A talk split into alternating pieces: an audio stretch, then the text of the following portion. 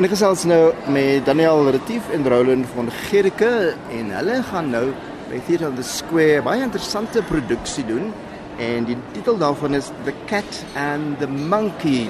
Maar Daniel, dis 'n werk wat gebaseer is op 'n bestaande werk. Ja, so hy is baie baie losweg en ek sê baie baie losweg gebaseer want wat ons met die ding gedoen het is is baie interessant en anders. So dit is 'n ou Franse een bedryf toneelstuk gewees deur Charlotte Cour, Le Chat et le Singe. En uh, dit was 'n baie oulike kort stukkie wat gedoen is in Frankryk oor hierdie twee mal mense, die vrou en die man wat dit lyk asof hulle by 'n sielkundige is om hulle verhoudingprobleme uit te sorteer, maar dan kom jy baie vinnig agter daar's eintlik iets anders aan die gang. Nou ons het die stuk gevat en ons het hom baie langer gemaak want hy was net omtrent 10 minute lank, hy's nou 75 minute lank.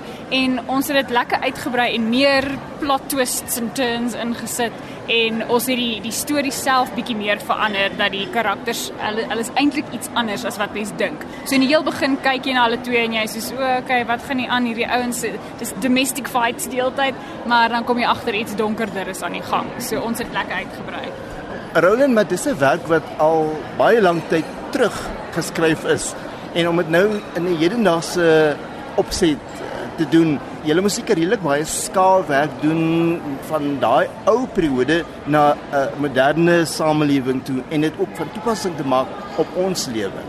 Ja, definitief. Dink ons het vir 'n rukkie daar gesit en gedink. Ons het die idee vir ja, amper 'n jaar gehad. Het ons die idee gehad het en en soos Daniel nou gesê het, dit was net 'n 10 minute stuk wat ons nou verander na 75 minute stuk. Dus hy het eintlik heeltemal ons eie geword. En ons het hom ook, hy is in Engels gewees die 10 minute stuk, toe in Engels geskryf toe as die langer stuk as The Cat and Monkey en toe het ons hom in Afrikaans gespeel. So toe het hy weer vertaal, dan het hy weer so 'n bietjie verander en nou speel ons hom weer in Engels en ons het hom begin speel in Gramstad in Engels ook. So dit is ook interessant hoe die twee vertonings eintlik heeltemal verskil net omdat die taal anders is, dan verander die karakters 'n bietjie. Wat baie interessant is, so die skaafwerk nie noodwendig skaafwerk nie, dis omdat ons hom eintlik maar nie geskryf het. Het hy lekker gesit in die taal, veral vir my in die Engels en snaaks genoeg vir vir Daniel in die Afrikaans. Het hy baie lekker gesit. Uh, interessant is is dit is halfe humor. En en ek dink daarvan is jy nog oorgehou van wat dit oorspronklik was toe dit hierdie kort komedie destyds was. Ja, ja, ek dink ek dink definitief met die met die galge humor, die die die dark comedy want jy lag en dan smaak moenie eintlik lag. Hoekom lag ek? Ek lag ek vir hierdie, ja. Ja, lag ek omdat ek ongemaklik is of lag ek omdat dit snaaks is of is dit ongemaklik snaaks? En dan dink jy 'n bietjie daaroor en as ek kan kry dat die mense dink, dan het ons definitief geslaag. Uh, voordat ons nog te veel oor julle karakters gesels en en en julle bepaalde temas wat julle probeer uitlig. Destyds uh, was dit baie gebruik om soort van draak te steek uh, met politici en die politiek was baie sterk aangeval as dit ware deur hierdie werk. Ja, nee beslis. Ek dink dit was baie meer polities toe as wat dit maar nou is. Ons het baie meer gewerk aan die karakter self. Ons het baie meer gewerk aan die donker komedie en ons het baie meer gewerk aan die die plot twist soos wat ek voor vroeër genoem het want dit is wat gehore deesdae wil sien. Hulle wil een ding kyk en die volgende ding is dit iets heeltemal anders. Hulle wil lag en dan wil hulle huil. So ons het baie meer daaraan gewerk, maar ja, daar is baie kommentaar. Daar's vreeslik baie kommentaar oor verhoudings. Daar's vreeslik baie kommentaar oor wat die politieke situasie veral in Suid-Afrika doen aan 'n verhouding en hoe dit ons onder druk plaas soms. Daar's 'n hele toneel wat ons wat in lockdown afspeel en wat dit veroorsaak het in hierdie persoonlike lewens en persoonlike verhoudings. So ja, dit lewer vreeslik baie kommentaar op al daai dinge en hoe mense reageer op op op die die die eksterne omgewing en wat gebeur in hulle lewens. En dit is soms nogal vreesaanjaend om te sien wat mense doen om net te oorleef. En die die interessantste ding wat die wat ons regisseur Karen Retief sê is jy kry haar storie, jy kry sy storie en jy kry die waarheid, maar die waarheid is nie dieselfde as een van daai stories nie. En dit is op die ou end die die die crux van hierdie toneelstuk is wat gaan die gehoor glo en wat gaan hulle nie glo nie en gaan hulle tot die regte gevolgtrekking kom of nie. So dis konstante toets vir die gehoor. En die gehoor is konstant deel. Hulle is eintlik maar 'n karakter ook in die hele toneelstuk. Dit lyk vir my daar is baie sterk fokus op die spel tussen hierdie twee.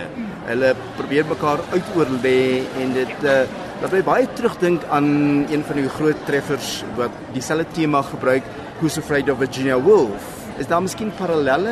Het julle miskien gedink aan aan wat daar in Who's Afraid of Virginia Woolf onlangs het ons hier in Johannesburg gehad, Hansard, wat ook 'n tipe van 'n spel is tussen twee mense wat in verhoudings is.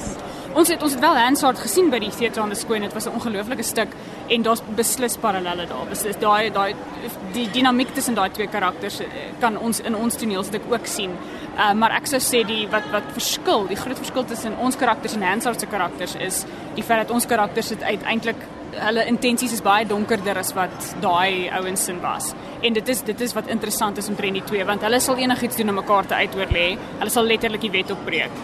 En Who's Afraid of Virginia Woolf is 'n baie interessante een want ek het nooit gedink aan Virginia Woolf toe ons dit geskryf het nie, maar hoe meer ek daaraan dink, hoe meer kan ek beslis die parallelle sien want mense verander nie. Dit maak nie saak wat se periode jy in is nie. Jy kan Shakespeare wees of jy kan jy kan tans eh, toneelstukke skryf en jy sal nog steeds dieselfde verhoudings uh, bevraagteken en explore en so aan. Mense verander nie en Virginia Woolf is absoluut 'n goeie voorbeeld van van wat Cat and Monkey kan voorstel. Dit is daai absolute selfsug van mense soms dat hulle sien net hulle eie manier en niks anders nie. So ja, beslis. Roland die titel The Cat and the Monkey. Dis 'n baie interessante titel. Ek kan verstaan toe dit destyds politieke draaksteek was uh, toe dit oorspronklik in in Frans geskryf is. Maar nou daar is dit The Cat and the Monkey. Uh, hoekom die titel of waarna verwys dit? Eerstens, dit is nie 'n kinderteaterstuk nie. Baie mense vra dit. Dit is nie en dis hoekom daar 'n 13 ouderdomsbeperking is, maar die kat en die en die aap. Dis die Afrikaanse titel Cat and Aap. Uh, cat and the Monkey is die twee figure. Want is nie diere nie. Die figure speel 'n groot groot rol. Dis ook die noemname wat die twee vir mekaar het ook. Want enige verhouding het het 'n noemnaam. Dit is maar 'n ding wat wat gebeur in 'n verhouding. En dan die twee, hulle is ook op die verhoog die hele tyd. Daar's dit is twee beeltjies van 'n kat en van 'n aap en hulle is die hele tyd daar.